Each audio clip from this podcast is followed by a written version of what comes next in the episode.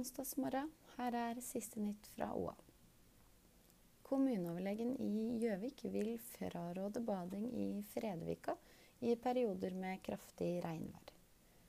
Grunnen til dette er at det er mye fugl i området, at det er grunt og at det kan være stillestående vann. Da er det lett for at det blir mange E. coli-bakterier, informerer kommuneoverlegen. Det skal være god kvalitet på badevannet andre steder i Mjøsa. Et foreldrepar i 20-åra fra Toten er dømt for besittelse og bruk av narkotika.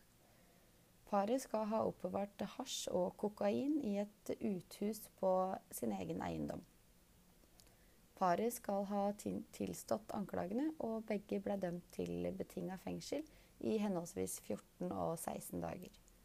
Mannen skal i tillegg ha fått en bot på 5000 kroner. I Oppland er det kun 2% som søker seg til andre steder enn eh, nærskolen, ifølge Karianne Gjønnes fra Høyre.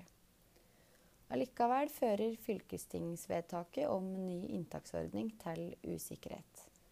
Les mer om saken på oa.no.